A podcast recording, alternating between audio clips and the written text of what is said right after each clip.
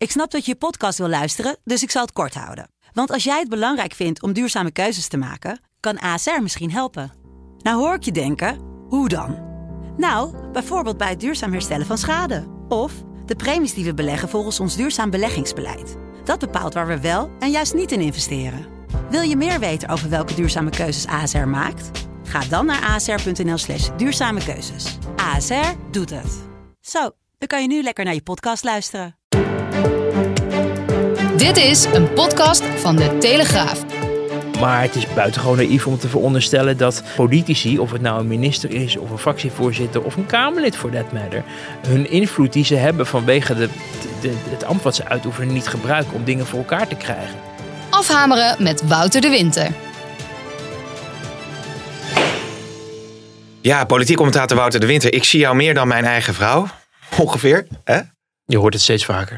ja, precies. Want we hebben eh, op donderdag natuurlijk eh, uitgebreid eh, met elkaar gesproken over het debat over die openbaar gemaakte notulen. We gaan vandaag proberen om er op deze vrijdagochtend ook iets overheen te kijken. Wat voor gevolgen heeft het debat en hoe gaat het verder met, met de formatie? Ja. Ehm, maar eerst even, is, er, is er nog iets onoorbaars gebeurd in het eh, debat? Moet er nog iemand gesensibiliseerd worden? Ehm, nou, onoorbaars. Uh, we, hadden natuurlijk uh, de Lasso en de minister Koolmees. Die van zijn mondkapje dacht dat hij misschien een koe kon, kon vangen ergens.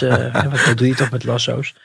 Um, voor de mensen die het niet gezien hadden. Ja, maar jij hebt dat, jij hebt het gisteren, had jij, uh, was ik, jou opgevallen? Ik had het nog even geretweet. Ja, het kwam ergens uh, op mijn tijdlijn uh, voorbij. En ja, hij, nou ja, maken we het even beeldend. Hij, hij wilde een kopje koffie nemen of een slok koffie. En toen deed hij even zijn mondkap af. En toen ging hij daarna, nam hij de mondkap in zijn hand. En toen ging hij er als een lasso mee zwaaien. Maar het was wel een bijzonder beeld. Want, want de, de, de, andere bewindslieden, die zaten ook gewoon om hem heen. Ja, en je zag, eh, ik meende Sigrid Kaag eh, toch haar ogen zien afdwalen naar dat mondkapje. Zo van, waar gaat dat mondkapje heen? Ja. Hup, hup, hup. En dat ging links, rechts, links, rechts. Dus. En zo zei jij, want dat hadden we gisteren ook nog. Hè, de bijna heilig verklaarde koolmees. Je hebt toch uh, een van de favoriete ministers. Ja. Die, uh, die zit in één keer toch ook een beetje in de hoek waar, waar naar gekeken wordt. In ieder ja, geval. hoewel uiteindelijk, bedoel, hij kreeg natuurlijk wel, wel, wel eh, kritiek in het, in het debat. Maar um, de, de, de onthulling van vorige week, hè, dat, of vorige week, mooi mij nou, het, is, het was nog maar maandag. Ja, kan maar maandag uit die notulen bleek dat, dat hij daar echt zeer ontstemd over was. En, en hij bij, bijna de kar trok met, met, met uh, zeggen dat coalitiekamerleden zich moesten gedragen. Um, dat je eigenlijk um, ja, daardoor dacht van hij krijgt de volle laag. Dat viel gisteren, vond ik nog wel mee. Nee, Uiteindelijk ja. gaan ze toch allemaal weer uh, in eerste instantie naar Rutte kijken. Uh, maar je merkte wel dat Koolmees daar ook wel wat ongemakkelijk bij was. Die is eigenlijk voor het eerst uh, sinds zijn ministerschap startte. met negatieve publiciteit te maken ja. krijgt. En ja. dat is heel, heel interessant eigenlijk. Want sociale zaken is een, uh, een, zwaar ministerie. Er is ook wel wat gebeurd. Denk aan al die pensioenonderhandelingen.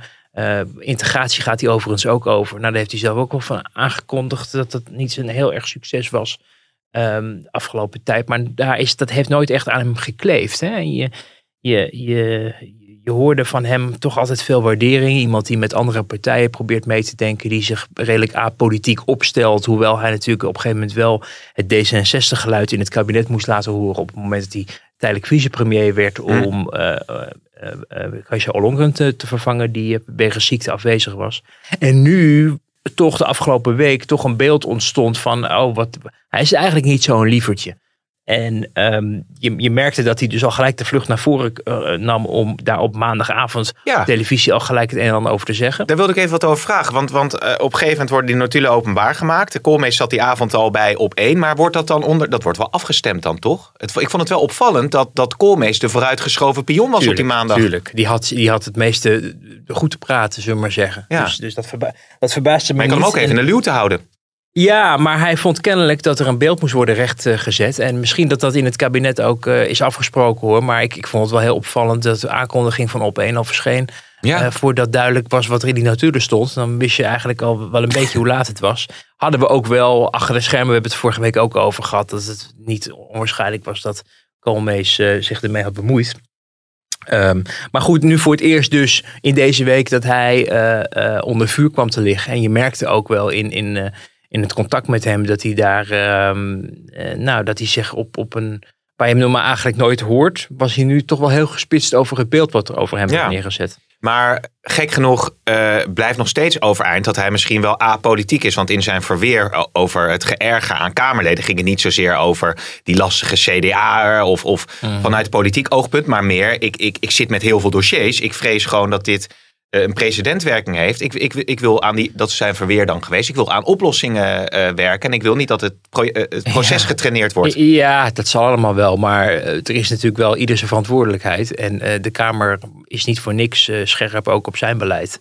Ehm, geweest. En hij was geërgerd, vertelde hij in het debat, omdat hij die week zelf iets had meegemaakt met problemen bij een andere uitvoeringsorganisatie.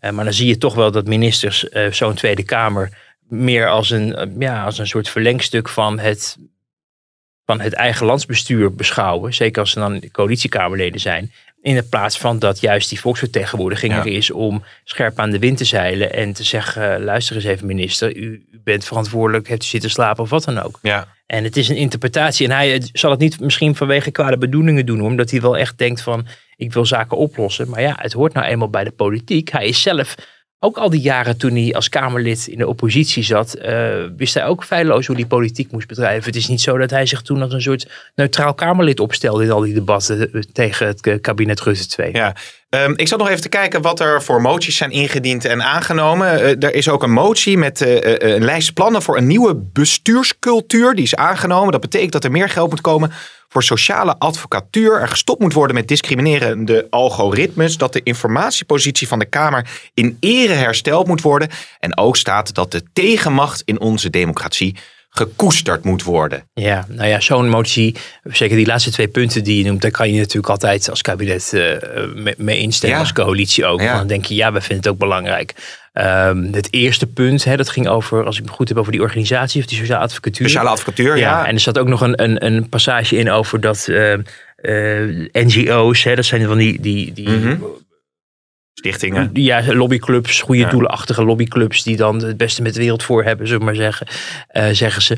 Um, dat die um, niet worden afgerekend op of zij het kabinetsbeleid steunen, maar of zij een goed plan hebben of zo. Nou, uh, hartstikke mooi, maar dat was al die uitgestoken hand die je gisteren in het debat natuurlijk al, uh, vond ik vooral vanuit GroenLinks zag plaatsvinden. Dus um, het viel mij heel erg op dat de toonhoogte van, van Jesse Klaver, want dit is een motie die van, van Ploemen van de PvdA en Jesse Klaver van GroenLinks uiteindelijk is, is ingediend.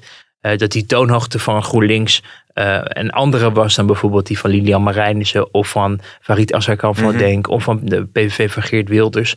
Namelijk teksten als alles, niet alles is 100% goed of 100% fout. Nee. Uh, en we moeten ook kijken hoe we weer uit dit debat verder komen en zo. Oftewel, we zitten hier niet vandaag om, om, om de zoveelste motie van wantrouwen te steunen tegen Rutte of tegen het kabinet. Nee, we zitten te kijken hoe gaan wij vanaf dit punt verder in Den Haag met elkaar. Ja. En kunnen wij als GroenLinks, zo interpreteerde ik dat, uh, daar ook nog een interessante rol bij spelen. En dat doe je dan door uh, met voorstellen te komen die voor bijvoorbeeld de huidige en misschien ook de aanstaande coalitiepartijen uh, best te accepteren is. En er nog een eigen sausje aan te geven. Die sociale advocatuur ligt links al heel lang zwaar op de maag.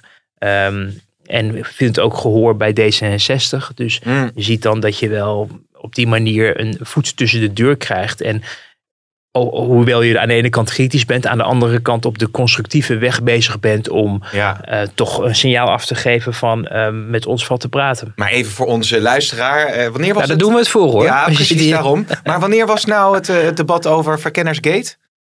Over de, over de notitie van Olongren? Um, was dat niet op, op um, 1 april of zo? Nou ja, Zeg, zeg, zeg, zeg, zeg eventjes uh, een, maand, een maand terug. Ja, ja. Uh, nou ja, we weten het allemaal nog. Ik stond er ook nog uh, daarna toen weer die formatie helemaal gereset moest worden met, met, met Klaver en Ploemen. En die zeiden van nou weet je, die deur, ik weet niet of die ooit nog wel open ja, gaat. Ja. En, en, en best wel ferm. Alleen Eertmans die zei toen van nou ja, de deur is niet open en niet dicht. Dat ik dacht van hoe zit die deur dan? Maar dan zit je. Ja, maar dat is een klapdeur. Ja, precies. Maar ja, of een, of een, een schuifdeur zo. Dus, ja, maar maar nu, nu, zit je, nu zit je zo kort eigenlijk verder. En dan, dan, dan waait het toch alweer over. Ja, dan kan je aan Nou de ene ja, kant kort, pakken verantwoordelijkheden. Ja, maar goed, de verkiezingen waren op 17 maart. Het is eh, vandaag 30 april. Eh, we zijn weer zes weken verder. Ja. Eh, er komt volgende week komt er eh, bevrijdingsdag, Koningsdag. eh, of nee, Koningsdag hebben we gehad. Bevrijdingsdag dodenherdenking, pardon. Ehm, dus dan ben je weer een week verder. En voor je het weet is het half mei. Dan zijn we twee maanden verder. Ja. En daar werd gisteren ook in het debat aan gerefereerd van... We zijn nu ongeveer twee maanden verder. Dat was iets te, ehm, te kort door de bocht. Maar binnenkort zijn we twee maanden verder. En waar zijn we nou eigenlijk met die formatie? Want er moet ooit nog een kabinet komen. Want anders zie je die club waar, waar toch de afgelopen tijd zoveel over te doen was. Die Ja. blijft maar zitten. Ja. Dus, dus ehm, eh, er, wordt, er is veel, voor mijn gevoel echt veel tijd gekocht. En je had gehoopt dat in een crisis er gelijk eh, een week later eh, mensen met elkaar gingen onderhandelen. Al was het maar om een, om een geraamte eh, van een regeerakkoord of een herstelplan of wat dan ook. Zodat in ieder geval die coronacrisis volwaardig kan managen. En dus herstelpakketten, steunpakketten voor bedrijven die ja, nog steeds op omvallen staan. Of dat dreigen te gaan worden als die steunpakketten ophouden. Eh, en ja, er wordt eigenlijk tijd gekocht de afgelopen weken om de gemoederen enigszins tot bedaren te brengen. En ik, ik vond dat je gisteren, we hadden het net e- even over GroenLinks, maar ik, ik zag echt de begin, het begin van, van het normaliseren van de betrekkingen. Mm. Omdat je zag dat mensen, hè, je hebt dus de, de bijna voorspelbare geluiden vanuit de SP en vanuit Denk, Ja. vanuit eh, de PVV. Ehm, maar er zijn ook partijen die zich ook wel realiseren dat je dat niet zoveel effect heeft als je nog maar een half jaar boos gaat zitten doen. Ehm, want het verandert de uitslag van de verkiezingen niet. Hè? Daar moet je Nee. toch mee doen. En ik denk dat het bij, bij hè, bepaalde kiezersgroepen natuurlijk daar gelaten. Maar dat heel veel kiezers naar de stembus zijn gegaan. Niet in de veronderstelling dat ze drie maanden later nog een keer naar Nee. de stembus moeten. Nee. Dus de kiezer heeft een signaal gegeven en daar moet Den Haag het mee doen. Ja. En dat besef eh, begint ook door te dringen nu, denk ik, aan het Binnenhof. Zo'n eh, zo'n persoonlijke anekdote? Niet. Van mezelf? Nee. Oh, Ik had eh eergisteren... is het al zover? Ik, nou ik ja, dacht dat we de, de frivoliteiten voor het laatst bewaren. Nou, nou, ik had eergisteravond had ik een, eh, een, eh, een eh, FaceTime gesprek met een vriend die een wereldreis maakt met zijn gezin. Die zit in Zuid-Afrika. Goede timing. En nou, inderdaad, ja. En een andere vriend die, die zit in Nairobi, enorm internationaal, net als Sigrid Kaag. Hè? Toen zei ik, toen, ze, toen die vriend Daan vertrok, always part here. Zei Oh, ik begrijp het. Kom, nee, nee, maar die, die, die, ik moest uitleggen aan hem. Die volgt een beetje zo'n eh, Zuid-Afrika als hij af en toe bereik heeft. De politiek Mhm. nog wel. En ik moest hem uitleggen wat er aan de hand was. Ja. En ik merkte dat ik, dat ik een half uur aan het Ja. praten was. En Ja. dat, dat ik er eigenlijk nog steeds zit. Ja, nou, dan zijn dus die notulen openbaar. Ja, wat staat daar dan in? Dat dat gewoon best wel lastig is. Ja, ja, nou dat, dat is het ook zo. En, en de, die, die vraag werd mij van de week ook gesteld. Zo van, eh, van eh, ja, hoe, hoe kijk je hier nou tegenaan als je een stapje terugneemt? Ik Ja. zeg ja, ik heb het nog nooit meegemaakt. Ehm, het is natuurlijk bij formaties vaker gegaan dat dingen moeizaam gingen. Hè? De, de, de tijd van Den Uil, van Acht, eh, was ook niet allemaal één groot feest. Wiegel, ehm, onderhandelingen die liepen, die dan vervolgens weer misliepen, dan weer vlot getrokken werden, dan toch weer misliepen. Ehm, dus het is, het, deze, dit soort tijden zijn niet heel ongebruikelijk eh, na, voor, na verkiezingen.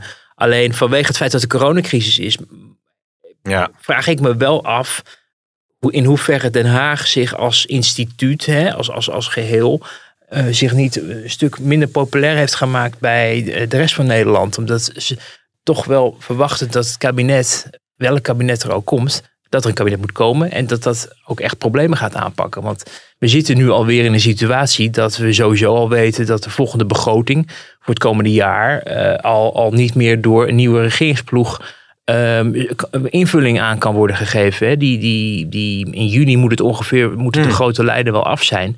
Nou ja, dat lukt je niet. Want Nee. ik, ik denk niet dat er in, in, eh, in juni al een nieuw kabinet eh, zit. Dus er zal, en dat heeft Cenk Willink natuurlijk ook al in die eerdere notitie laten blijken, dat, je, dat ze toch op kortere termijn met elkaar om de tafel moeten zitten om iets van, een, van, een, van geraamtes eh, eh, ja, te maken. Bijvoorbeeld over herstelplannen voor de coronacrisis of wat dan ook. Eh, maar er, er wordt wel heel veel, het kost allemaal wel heel erg veel tijd en ook verloren tijd, zeg ja, maar. ja. Dus dat is wel heel zonde. En, en wie heeft, om maar een directe vraag te stellen, het meest boter op zijn hoofd in deze, in deze race dan? Of is dat iets te direct? Want, want ja, Ja, meeste boter op zijn hoofd. Ja. Eh, nou, ik vond wel dat ik vind wel dat uit die notulen blijkt dat ehm, de partij, vooral D66 in dit geval, maar ook de ChristenUnie, eigenlijk die twee partijen de, meeste boter op hun hoofd hadden.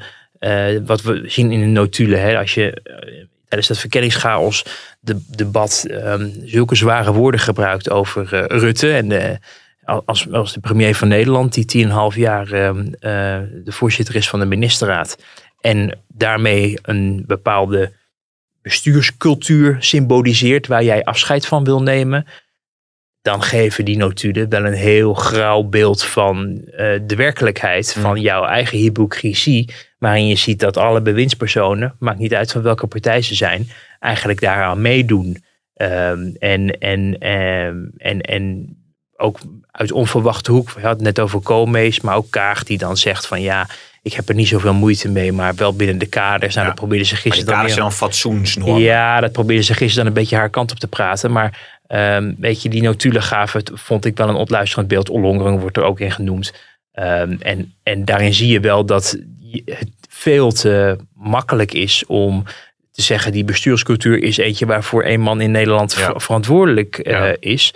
En um, dan met terugwerkende kracht uh, kijkend naar hoe men destijds in het verkenningschaosdebat heeft geopereerd. En ook in het interview wat Gert-Jan Segers bijvoorbeeld aan het Nederlands Dagblad gaf.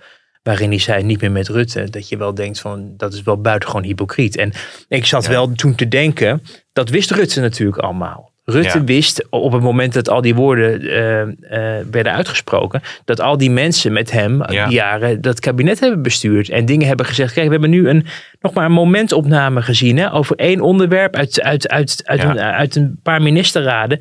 Maar er zijn veel meer ministerraden geweest over veel meer verschillende onderwerpen hij weet wat al die mensen ja. hebben gezegd onder maar ging, ging, ging het ene niet meer over het feit dat Rutte uh, uh, liegt of, of, of, of inform, hè, in debatten mm -hmm. of, of dat hij over, of nou over dividend, uh, afschaffing dividendbelasting gaat ja. of over en dat dit meer de, de, brede politieke cultuur is. Dat dat wel twee verschillende dingen zijn ergens. Ja, maar goed, dat werd uiteindelijk in dat debat op een hoop gegooid, want de bestuurscultuur stond dan gelijk aan de leugen, ja. uh, zou je dan kunnen zeggen. Uh, maar wat je gisteren ook in het debat zag gebeuren, vond ik, is dat Rutte daar toch wel weer staat als de verdediger van het ja. hele team.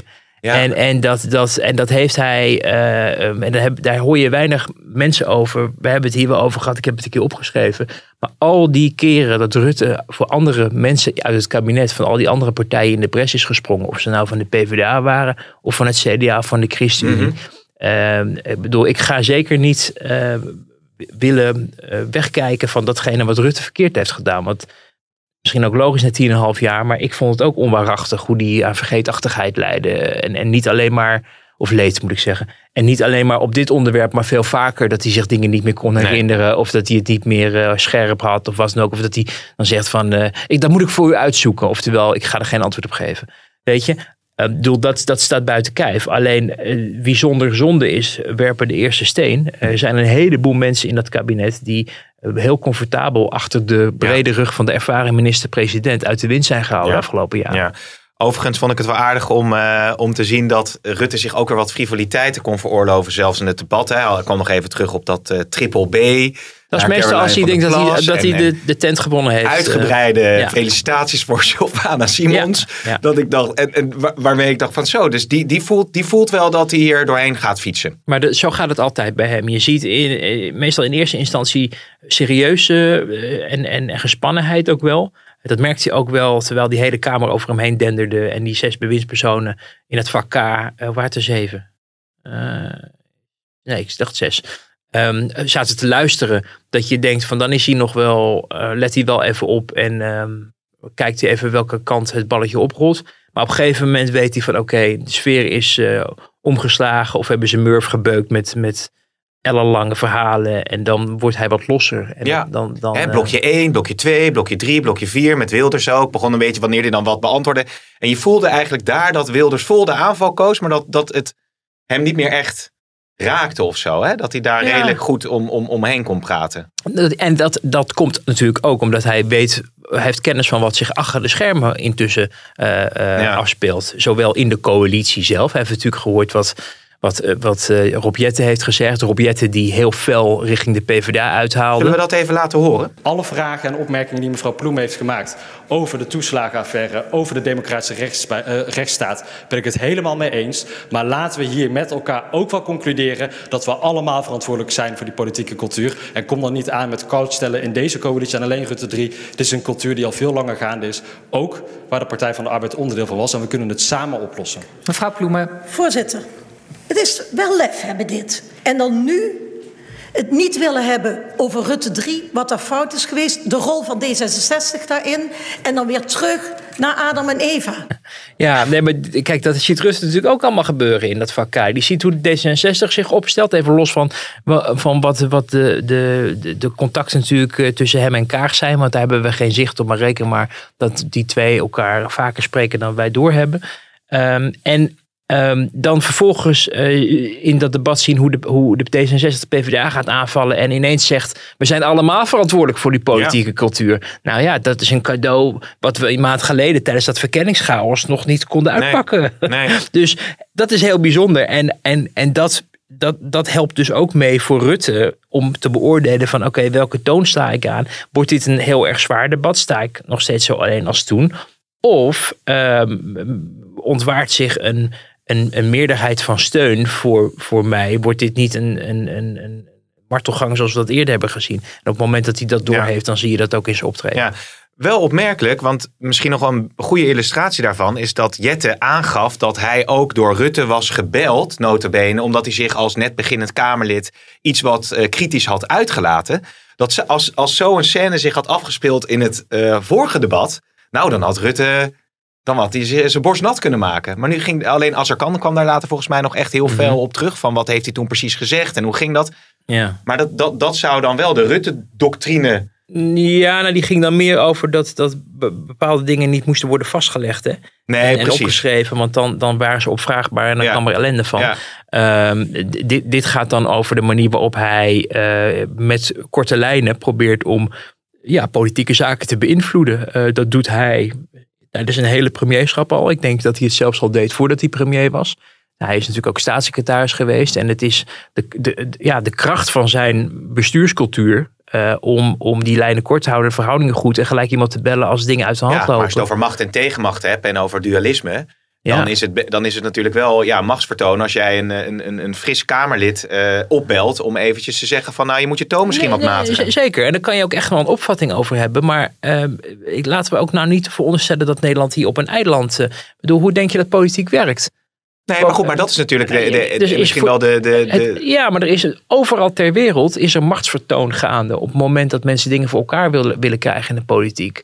Eh, mensen worden geïntimideerd, mensen worden torentje uitgenodigd. Eh, je probeert je, doel, je politieke doel te bereiken. En dat moet natuurlijk dat moet niet over de scheef gaan. En moeten geen strafbare feiten worden gepleegd. En eh, ik denk dat het heel terecht is dat er een discussie is over de manier waarop in de ministerraad gesproken is over eh, Kamerleden. En hoe zij zich moeten opstellen. Dat, ik vond het ongezond. Ongezond veel energie daarin gestoken. En Ja. veel te weinig energie Ja. in het benoemen en het uitzoeken en het adresseren van de problemen waar die commotie eigenlijk over ontstond. Namelijk die ouders die tussen de tandwielen van, van de overheid vermorseld werden.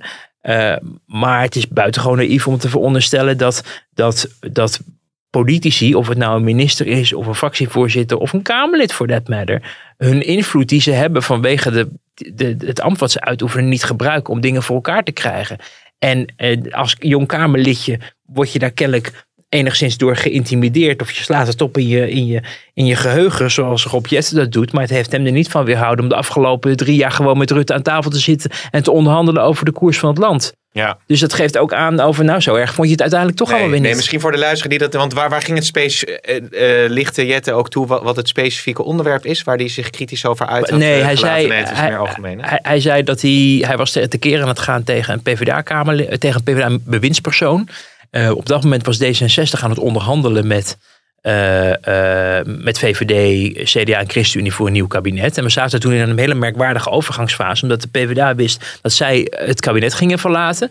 Er was toen ook een begroting die samengesteld moest worden. Ze wilden bijvoorbeeld veel geld voor onderwijs. Dat kan je misschien nog herinneren. 700 miljoen of zo. Er werd heel moeilijk over gedaan. En, en het was aan Rutte om te zorgen dat de overgang tussen een kabinet met de PvdA naar een kabinet met drie andere partijen uh, redelijk goed verliep. Want hij wilde niet dat de PvdA-bewindspersonen de kont tegen de krip zouden gooien. Tegelijkertijd moest hij oog hebben voor wat D66-mensen waren. Maar als die elkaar in de Kamer helemaal gingen bestrijden, dan zou dat die overgang naar het nieuw kabinet kunnen belemmeren. En daardoor heeft kennelijk uh, uh, Rutte gemeend dat hij Jette tot de orde had hij beter aan. Ja, precies. Maar, ja, maar dat is dus het hele punt ah. van dat hele debat van gisteren. Er komt dan een nieuwe bestuurscultuur en die coalitieoverleggen gaan er misschien uit. Je zei het gisteren ook al in, in de video. Maar in wezen blijft politiek natuurlijk uh, inderdaad je, je, je, je, je doel proberen te bereiken, uh, proberen te beïnvloeden waar dat kan. Uh, dus, dus wat gaat er nou wezenlijk ja, veranderen? Terechte vraag. En dat vraag ik me ook af hoor. Want jij noemde net die motie, die PvdA GroenLinks motie met uh, tegenmacht is belangrijk. Ja, dan gaat er wat geld naar de sociale advocatuur. Ja, nou, ja, prima. Maar uiteindelijk zijn dat wel, uh, weet je, je kan dan voor de bühne kan je, en tegen je achterban kan je zeggen, kijk eens, dit hebben wij toch maar weer mooi afgedwongen. Maar de praktijk van, van, van de politiek is er toch eentje dat uh, ook, al, ook al zijn er af en toe goede bedoelingen, uh, uiteindelijk is, de, is het pragmatisme wat toch zegeviert. Hè? Je, je, er zijn natuurlijk de afgelopen decennia heel vaak zijn er grote uh, koerswijzigingen verondersteld op het moment dat bijvoorbeeld een partij aan de macht zou komen of dat er een parlementaire enquête is geweest. Ik heb er heel wat meegemaakt. Parlementaire enquêtes over de Vira, over grote mhm. infrastructuurprojecten, parlementaire onderzoeken waaruit werd geconcludeerd: we gaan bijvoorbeeld geen Zuiderzeelijn aanleggen. Want dat is niet rendabel en we kunnen het geld beter steken in woningbouw of, of andere voorzieningen voor het noorden. En een paar jaar later is er weer verkiezingstijd. Dan zegt iedereen, we moeten, was er nu, nu noemen ze de Lelylijn. Ja, ja, Eerst heet het de Zuiderzeelijn, je geeft gewoon een andere naam. Dus al die uitspraken die de Kamer daar en de stellingen die de Kamer daar zelf over heeft ingenomen. En ook het kabinet, worden gewoon weer uit het raam gegooid. Op het moment dat politiek opportun is om iets anders te vinden. Omdat de kiezer zit of wat dan ook. En, en dat zie je natuurlijk heel vaak. Dat gaat, ik noem nu een infrastructuurvoorbeeld, maar je hebt het ook op hè, met, met, dingen als kroongetuigen en infiltratie en, dat soort zaken. Uh, op het justitiële terrein. Dat, dat op een gegeven moment is er een, een, een moed in Den Haag van het moet echt allemaal anders en dit nooit meer. En dan zie je toch dat de praktijk uitwijst dat het eh, ja, soms ook weer niet kan. En dat ook de politieke mindset verandert. Van nou ja, dat hebben we toen, hebben we daar afscheid van genomen. Maar we vinden het nu wel opportun om te doen. Uh, of het kan niet anders, of het sluipt er een beetje in. Want maakt mij niet wijs dat er straks in een nieuw kabinet geen coalitieoverleg meer is. Dat, dat probeerde Rutte zei nog ook al gisteren van ja, dan gaan we het coalitieoverleg op maandag, dat gaan we dan uh, uh, beperken of verminderen of zo. Nou, Zou je zonder kunnen? Nee, natuurlijk niet. Nee. nee. Want dan krijg je, kijk, wij voor ons journalisten is het natuurlijk leuk. En ik denk ook voor veel van onze luisteraars die natuurlijk toch eigenlijk politieke junkies uh, zijn. Of in ieder geval politiek geïnteresseerd zijn. Die vinden het leuk om, om dat, dat spektakel te zien en die confrontatie. En, en, en misschien ook dat een, iemand zich uh, eens in de zoveel tijd laat overtuigen door een ander. Of dat iemand verrassend uit de hoek kan komen. Uh, maar het, het lukt niet om alles wat er in Den Haag besloten wordt in debatten maar te laten gebeuren en te kijken waar het schip strandt. Er is voortdurend een totaal circuit. Dat is echt niet alleen maar in de ministerraad of in coalitie overleggen. Maar er zijn allerlei bilateraaltjes of trilateraaltjes of uh, overlegjes met uh, verschillende partijen die denken van ik wil met die en die en die praten. Want dan heb ik wellicht steun voor het gebeurt voorstel. ook vanuit de Kamer zelf natuurlijk. Ja, als je steun wil hebben voor, je, voor een voorstel en je hebt zelf 20 zetels. Dan heb je er nog uh, vijf, uh, 56 nodig. Uh, die moet je wel ergens vandaan halen. Dan ga je met mensen in overleg treden. Ga je kijken, ja, maar dan wil ik er ook iets voor terug, zegt die ander dan. Nou, dan ga je daar weer. Dus dat, dat, dat, dat proces, dat voltrekt zich achter de schermen. En dat gebeurt niet in een debat. Dus ik denk dat het nu een beetje mode is om te zeggen, weg met het coalitieoverleg. De praktijk zal leren dat dat uh, onmogelijk is. Want hoe was, volgens mij zei Rutte daar ook nog wat over in het debat. Als je het hebt over de zetelverdeling in de Tweede en de Eerste Kamer. Uh, de meerderheid van uh, de coalitie in de Tweede of Eerste Kamer, dat was volgens mij ook nog een punt wat toen speelde. Of zeg ik nou iets heel raars? Hoeveel, was er toen niet iemand uit de Wieberen van Haga of speelde dat toen al? Ik, ik zeg nou, ik zat even te denken dat, dat op het moment dat je uh, politieke besluitvormingen doorheen wil krijgen, dat, het, dat je natuurlijk zeker met de huidige coalitie ook moet kijken naar ja, hoeveel zetels hebben we in de Tweede en de Eerste Kamer. En op het moment dat die machtspositie wankeler is, zul je misschien ook nog meer moeten communiceren met, met, met oppositiepartijen. Misschien proberen wat te beïnvloeden. Wat, dacht je van al die akkoorden? En wat dacht je ook van al die akkoorden die zijn gesloten met bijvoorbeeld D66 als gedoogpartij? Hè? De, de, de, in Rutte 2 had, hadden VVD en PvdA geen meerderheid in de, in de Senaat. En op een gegeven moment zelfs ook niet meer in de Tweede Kamer. Maar vooral de Senaat was belangrijk. En er werd er voortdurend met, de, met het gedoogtrio van D66, ChristenUnie en SGP... werden dingen afgekaart met akkoorden. Het crematoriumakkoord kan je je misschien nog herinneren op financiën, waar ze dat zwarte uh, dat gordijn oh erachter. weet je. dat, is, dat is gewoon totaal. Ik, ik weet uh, gewoon uit de, uit, uit, uit, de, uit de hoek van de onderhandelaars hoe dat dan ging. Dat, dat ze ongeveer bijna rond waren en dat ineens het D66 ja, maar we, de, moet, de publieke omroep moet ook nog gered worden. Dus er moet nog 50 miljoen naartoe. En of iedereen even een, eh, bij het kruisje wilde tekenen. En, en anders, anders tekenen we niet voor ons crematoriumakkoord. Ja, dat gebeurt voortdurend. Ja, en dan zit je niet te wachten op Kamerleden die uh, daar te kritisch over zijn. Of die die onderhandelingen mogelijkerwijs uh, traineren of in de weg zitten. Um, nou, het bij Pieter Omtzigt natuurlijk een ander verhaal is. Het gaat over die toeslagenaffaire. is ja. heel wezenlijk. Maar goed, dat... Kijk, het, het, het, is natuurlijk ook... Het zijn ook allerlei verschillende aspecten hè, van de politiek. Dus je hebt... Je hebt eh, een, een, een, een, een deel waarin het gaat om akkoorden, waarin je bepaalde grote besluiten moet nemen en waar je met, het met elkaar eens moet worden om, om, om meerderheden te krijgen om besluitvorming doorheen te krijgen. Het aanpakken van de woningmarkt, pensioenen, immigratie, wat dan ook. Eh, en er is een ander deel van de politiek dat, dat zich veel meer richt op de controle. Namelijk van u wil iets of, u, of er gaat iets mis in de samenleving hè, met, met, met eh, de toeslagaffaire. En dat je dan gaat zeggen, ja, maar hoe kan het dat het misgaat? kunt u daar even uitleg over geven, meneer of mevrouw de staatssecretaris. En dat gebeurt dan niet half onvoldoende of het beseft er niet door.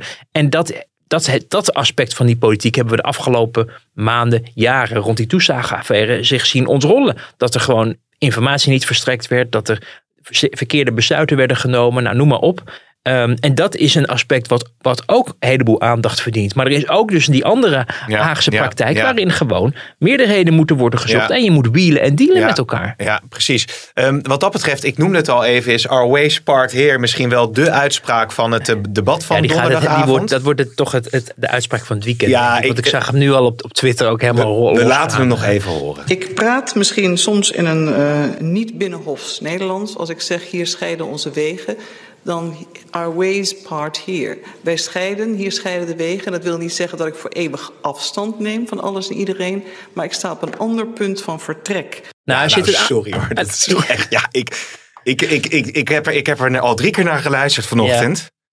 Nou, een aantal dingen daarover. Uh, ik, ik, ik voel echt elke keer toch weer mee met, met uh, prinses Beatrix op Drakenstein.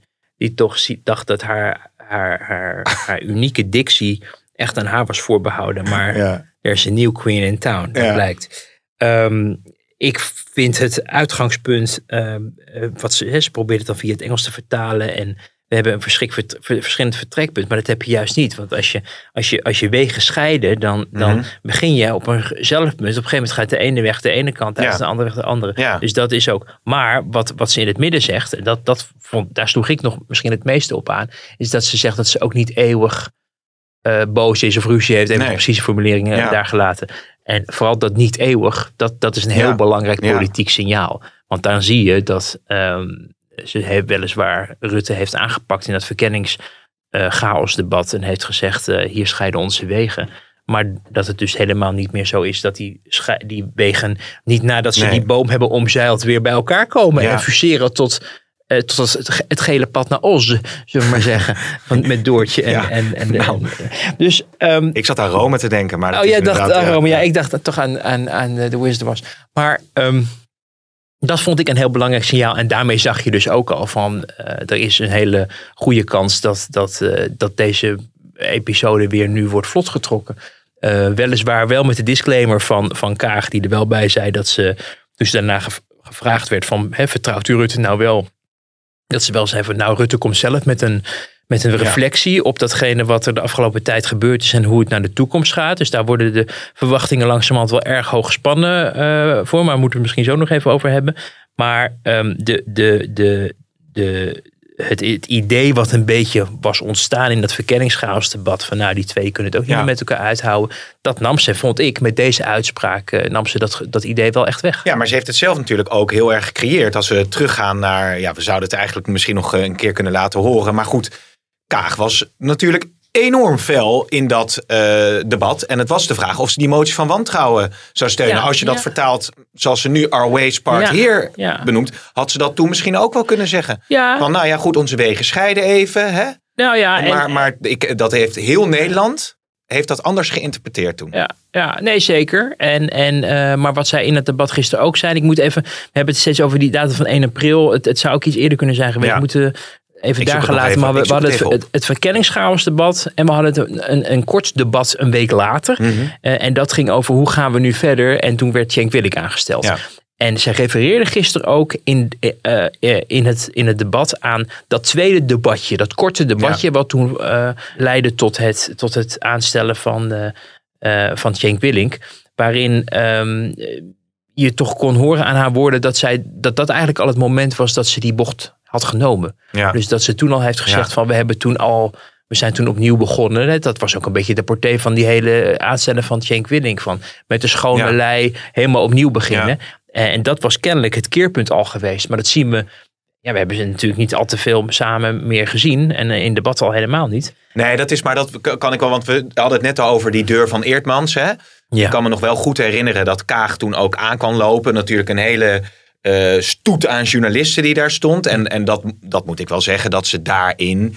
Uh, niet zo ferm was hè, als, mm -hmm. als, als uh, Ploemen of, of, ja. of hoe heet het, Klaver. Dus daar was ze al inderdaad wel van nou, we beginnen op het nulpunt, zei ja, ze ja, toen dus, in, in dus, interview. Dus zij, zij heeft zelf, en dat, dat ik bedoel, fair is fair. Dat, dat heeft ze ook wel in, in, in verschillende debatten ook wel aangegeven. Dat zij zegt, wij hebben ook fouten gemaakt. Ik heb ook fouten gemaakt.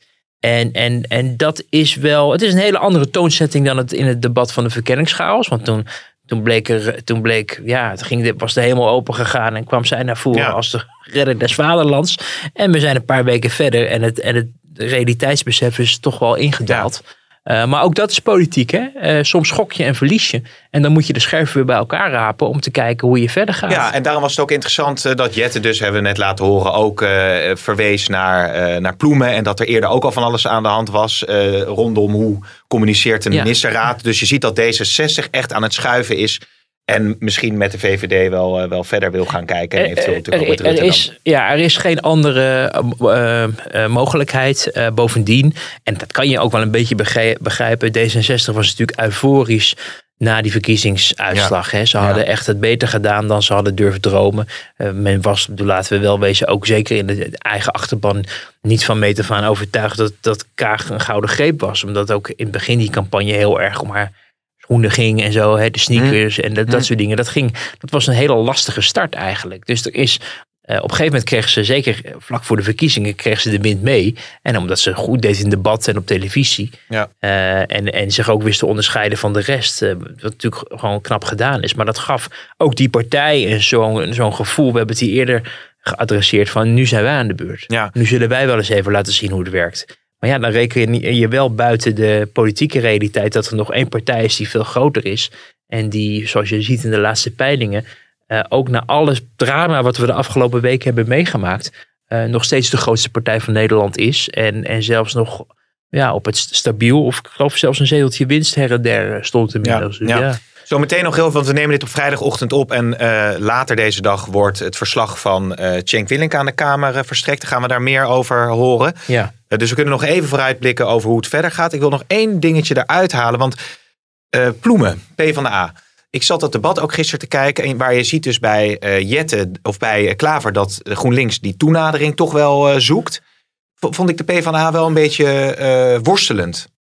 Hoe kijk jij daarnaar? Naar de positie van de P van de A. Denk je dat die mee willen, dan maken we toch al een bruggetje, maar dat die mee willen in een eventueel, uh, uh, eventuele formatie? Of dat ze toch zich aan het herijken zijn en, en, en in de oppositie Kijk, willen blijven? Ja, nee, nee, nee. nee. GroenLinks wil meeregeren. Ja, P van de A bedoel ik, hè? Oh, PvdA. Ja. ja. Um, PvdA vind ik moeilijk om in te schatten. Uh, ik heb ook niet het idee dat iedereen in die partij er hetzelfde over nadenkt. Ik denk dat er een, groot deel is van, van de wat ervaren politici die ook op het plus hebben gezeten, die zeggen ja, uh, uh, er is. Uh, we, we, moeten ons weliswaar niet zo ontzettend vasthouden aan het plus, maar wat is ons alternatief als we in de oppositie belanden? Uh, met 17 partijen. Hè, dat is iets wat je nu ook zelfs vanuit die oppositie zelf hoort. 17 partijen in de Tweede Kamer is eigenlijk te veel voor een goed debat. Want je ziet het gisteren ook weer. Ja, er komt geen einde aan. En, en um, het is ook heel moeilijk om je te onderscheiden. Want voor je het weet staat Caroline van der Plas daar nou. de, de, de, show te stelen. En dan sta je dan met je, met je paar zetels in de oppositie als een van de velen. Uh, dus het geeft ook maar weer aan dat het niet zoveel uitmaakt of je nou 8, 10, 15 of, of twee zetels hebt. Ja. Je kan bij die interruptiemicrofoon zomaar een, een, ja, voor, voor de natie een, een goede indruk maken en populariteit te genieten. Dus uh, er zijn ook mensen in de PvdA die zeggen: ja, um, het is niet heel erg aanlokkelijk om in de oppositie te blijven, omdat je je moeilijk kan onderscheiden. Laten we wel wezen. Uh, de PvdA zat de afgelopen jaren na een historische nederlaag uh, in de oppositie. Uh, en slaagde er niet in om um, uh, ja, het verschil te maken en, en überhaupt een zetel erbij te spelen. En dat was nog met minder partijen in de oppositie. Hè? Ja. Dus, je hebt alleen maar Caroline, of Caroline van der Plas en Sylvana Simons erbij gekregen. Zo is dat. Maar ook, ook een partij als GroenLinks en de SP die het echt fors hebben verloren. En die, die zetels zijn niet naar de PvdA gestroomd. Kortom, dat vereist ook in die partij een, een, een, ja, toch een moment van reflectie. Van oké, gaan we op de ingeslagen weg door? Of gaan we misschien toch voorsorteren op kabinetsdeelname? Of, en onder welke voorwaarden dan? En dan hoor je mensen zeggen, Hans Spekman bijvoorbeeld, van je moet echt GroenLinks moet je vasthouden. Want anders uh, hè, zijn wij weer de, de Sjaak. Die heeft natuurlijk een trauma opgelopen van Rutte 2 toen, toen dat gebeurde. Uh, niet iedereen bedoel, ze zijn bij echt niet iedere PvdA zo gek op GroenLinks hoor. Natuurlijk zien ze politiek ideologisch wel overeenkomsten, maar uh, ze hebben ook gezien hoe Jesse Klaver Lodewijk je onder de bus heeft gegooid. Ze hebben gezien hoe Jesse Klaver ook heeft geroepen dat het einde van de, de gevestigde middenpartijen voorbij was, oftewel de PvdA. Op het moment dat hij weer de verkiezing in Groningen had gewonnen. Hè, GroenLinks dan. Dus, dus um, er zit ook wel wat oud zeer. En dat zijn ze in de politiek um, uh, nooit helemaal vergeten. Dus um, alleen ik vind ploemen, vind ik, ik, vind, ik vind het moeilijk om er chocola van te maken. Ik vind ook niet dat ze het buitengewoon goed doet in debatten. Dus je zou kunnen zeggen, realiseer je dat, zet iemand anders daar neer als fractievoorzitter, ga zelf het kabinet in. Maar dat heeft ze al van gezegd dat ze dat niet wil doen, maar dat ze liever in de Kamer wil blijven. Maar ja, tot nu toe is dat niet een echte succes. Uh, kortom, we, we, hebben het de vorige keer ook al over gehad. We moeten het er nog een keer wat uitgebreider over de PvdA hebben. Uh, maar nou, dat is weer een mooie tease naar een volgende ja, precies, maar, want maar, dan, viel mij gisteren wel op dat ze, zich, dat ze moeite had om zich uh, te profileren ook weer in dat, uh, dat debat. Ja, ja. zei ze ook, had ze het woord penari, dan moet wat.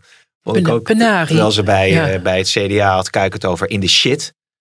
Toen, nou, nou, toen dacht ik van ja, dat is wel even uh, 2021 mensen. Ja, hoewel ik een CDA die, die dat soort dingen, dan denk je ook weer van dat past dat eigenlijk wel bij jullie of zo. Maar, maar, goed, we, inderdaad, deze, deze houden we uh, toch nog even vast. Um, twee punten nog. Rutte die komt dus met zijn reflectie. Uh, binnenkort naar buiten. Wat dan misschien een laatste brug moet zijn in het slaan. Een brug die, die moet slaan naar een nieuwe, nieuwe formatie, een nieuw kabinet. Mhm. -huh. Wanneer, waar, hoe? Hoe gaat hij dat doen? Gaat um, hij daar iedereen mee overtuigen? Ja, nou, um, het wordt het, ik heb het ook wel een beetje gezien als een soort parkeren van, van, van, van, van vervelende vragen uit Kamer of journalistiek. Hè? Want iedereen wil wel, wat heb je er nou van geleerd? En als je dan zegt van ja, daar kom ik nog op. Ik kom daar nog bij binnenkort. Dan kan je gelijk afsluiten dat mensen daar nog verder over doorgaan. Want hij heeft toch al gezegd dat hij er binnenkort mee gaat komen. Hij moet dus ook wel. Hij moet wel met iets komen. Politiek strategisch ook handig. Ook weer om tijd te kopen. Hè, weer wat een paar weken eroverheen te laten gaan. Zodat de gemoederen wat tot bedaren zijn gekomen. Uh, maar ja, hij zal wel moeten reflecteren op, op, op dingen die gewoon niet goed zijn gegaan de afgelopen jaren. Als het gaat om, om de informatievoorziening. Maar ook, ik denk die coalitieoverleggen. Uh, het, het, het allemaal afstemmen. Ja, het is dat is het, het, het, lastige. Het is aan de ene kant is het het recept voor het succes geweest. Vergis je niet. Drie kabinetten met verschillende partijen die vaak ook geen meerderheid hadden. We hebben natuurlijk in de eerste instantie de gedoogconstructie gehad. Er werd ontzettend veel achter de schermen afgestemd. En, het, en anders lukte het gewoon niet. Soms, er is een enkele keer wel eens wat uh, gesneuveld in de Eerste Kamer met, met, met Schippers toen. Ik geloof het elektronisch patiëntendossier als ik me mm vergis. Uh, ook omdat juist het ontbrak om dat achter de schermen goed te ja, regelen. ontbrak. En dan zag je gelijk hoe het misging. Dus, dus het, het mes snijdt wat dat betreft aan twee kanten. Um, maar ja, Rutte is wel de, de politiek zo flexibel als, uh, nou ja, we worden natuurlijk wel eens wat aardige dingen over gezegd, maar dat zijn ruggengraat van, van, uh, Teflon, van gelei is of zo. Ja. en, en, maar ja, dat is een zwakte, maar misschien ook wel weer ja. ja. een sterkte, omdat je daarmee op een of andere manier mensen toch weer voor je zou, zou, die, zou die iemand uh, bijvoorbeeld meer ja, of naast hem kunnen zetten? Dat klinkt natuurlijk raar, want je bent gewoon minister-president wellicht weer. Maar dat je, dat je in de. Je hebt natuurlijk ook je vicepremiers, maar dat je misschien in je, in je, in je team of, of, of in je communicatie, of dat je daar iets gaat sleutelen. Dat D66 misschien nog net wat tevredener is of zo. Dat je iemand voor die nieuwe bestuurscultuur verantwoordelijk ja, maakt. Ik, ik, vind, ik, ik, vind het lastig om, om daar nu over, over te speculeren, omdat. Um, minister, uh, minister van bestuur, staatssecretaris van bestuurscultuur. Ja, ja. Het is omzicht. Maar ook dat zou weer heel erg detoneren met hoe hij bijvoorbeeld in het eerste, eerste kabinet uh, de helft van de ministerraad ongeveer had ontslagen. Niet, niet zeg maar. Uh, uh, in het echt, maar al die, al die ministersposten had samengevoegd. Hè, want je moest de trap van boven schoonvegen. Hè, hoe minder ministers en staatssecretarissen, hoe beter. Want dat was efficiënt en zo.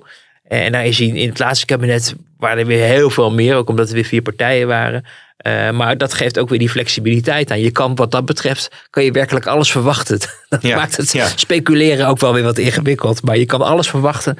Uh, wat hij, hij zal echt alles uit de kast halen om te zorgen dat er een Rutte 4 komt. En als hij daarvoor um, zijn ziel aan uh, puntje puntje moet verkopen, dan, dan zal hij dat denk ik niet nalaten. Nou ja, laten we inderdaad. Er is nog heel veel om weer verder over te praten. Want en, en ik kreeg net een berichtje. de andere teaser eh, komt er voorbij. Ik kreeg net een berichtje wat, wat, wat misschien wat minder vrolijk is, maar waar ik denk we het wel even over moeten hebben, omdat het omdat het wel erg is. Uh, Hans van Balen overleden. Oh. Krijg ik net door. Uh, oh jee. Via de, dus dat was wel iemand, een heel markante VVD'er. 60 jaar nog maar. Ja. En natuurlijk jarenlang Kamerlid geweest. Jarenlang Euro, Europarlementariër geweest. voorzitter van de Liberale Internationale. dus de, de, de, de liberalen in het Europese niet in het Europees parlement, maar de Europese uh, partijen, zullen we maar zeggen, in Europa, van de liberale huizen. En uh, ja, toch een heel uh, markant figuur um, in, in, in Den Haag en in Brussel. Iemand die ehm, ja. ja. ook het oor had van, van Mark Rutte, natuurlijk ook vanwege zijn functie, maar ook wel ja, af en toe met, met tips gaf. Um, de ooit eh, een steunpilaar van Frits Bolkestein geweest. Samen die campagnes eh, ook heeft gedaan van Frits Bolkestein. Die heel succesvol waren en de VVD tot grote hoogte hebben gestuurd. Dus dat hij eerder dan Bolkestein gaat. En Bolkestein is natuurlijk behoorlijk op leeftijd. Dat is natuurlijk echt een enorme schok. Veel, veel, veel te jong. En ehm, ja, ik denk dat het toch wel, wel hard aankomt vandaag bij de VVD. Ja, 60 jaar inderdaad pas kort ziekbed uh, gehad. Ja, en, en veel gezien, daarom, daarom dacht ik, ik besteed er wel ja, misschien wat extra aandacht aan. Want hij was een graag geziene gast ook in, in de Telegraaf. We hadden we hebben soms met die politici van verschillende politieke huizen die gewoon feilloos weten wat, uh, wat, wat ook onze lezers interessant vinden om, om te lezen of te horen. En, en uh, nou ja, we hadden altijd goed contact met hem. Hij stond volgens mij ook met enige regelmaat in het Stanhuigen Journaal. Ja. Um, dus een, iemand die ook bij onze lezers, denk ik, uh, ja, graag geziene gast was. En ja. nou ja, heel verdrietig. een echtgenote en een zoontje. Laat hij na. Vanuit hier ook natuurlijk veel sterkte voor alle naasten en vrienden en familie. Um, dan voelt het ook weer niet zo gepast om nu nog heel uitgebreid door te gaan. Misschien dat we, dat we nog even kort een schot voor de boeg kunnen, mm -hmm. kunnen geven. kun je al een inschatting maken hoe het nu verder gaat. Want Cenk Willing gaat zijn verslag indienen. Wat, wat, wat worden de volgende stappen? Kun je daar iets over zeggen? Nou, Cenk Willing die, uh, doet dat natuurlijk allemaal op zijn eigen manier. Maar hij heeft in die notitie natuurlijk van een paar weken geleden al aangegeven hoe hij het ziet. Hè? En het was op dat moment in ieder geval niet van oké, ik, ga, ik ga met die, die en die partijen voorstellen om, om, om het samen uit te komen. Hij heeft natuurlijk wel weer een hele ronde gedaan en afgetast of er onderling vertrouwen hersteld is. De vraag was ook nog even of er of er vandaag vrijdag al een, een, een, eindrapport zou komen. Of dat dat langer zou, op zich zou laten wachten. Ook als gevolg van het debat wat natuurlijk mm geweest is. En ja, als dat debat weer totaal uit de hand was gelopen, dan, dan ja, had hij zijn werk opnieuw kunnen beginnen. Want dan was er nog geen sprake van vertrouwen. Je, nou, je zag in het debat dat er wel weer wat bruggen waren geslagen. Dus daar, dat zal hem hebben gesterkt in de gedachte dat hij met zijn rapport kan komen. Ehm, ik verwacht niet dat hij gaat vertellen ehm, die, die en die partijen samen. Ik denk dat hij weer een tussenstap zal voorstellen. Waarin bijvoorbeeld partijen gaan nadenken over hoe ze de meest prangende uh, onderwerpen in kaart kunnen brengen. Om het, om het over eens te worden om, om aan te pakken. Bijvoorbeeld de coronacrisis. Uh, iets wat natuurlijk echt uh, bovenop de stapel ligt. En of je vanuit daar weer kan verder kijken of je dat met, met een aantal partijen ook in het kabinet verder kan, kan afhandelen. Maar goed, dat is wel echt speculatief.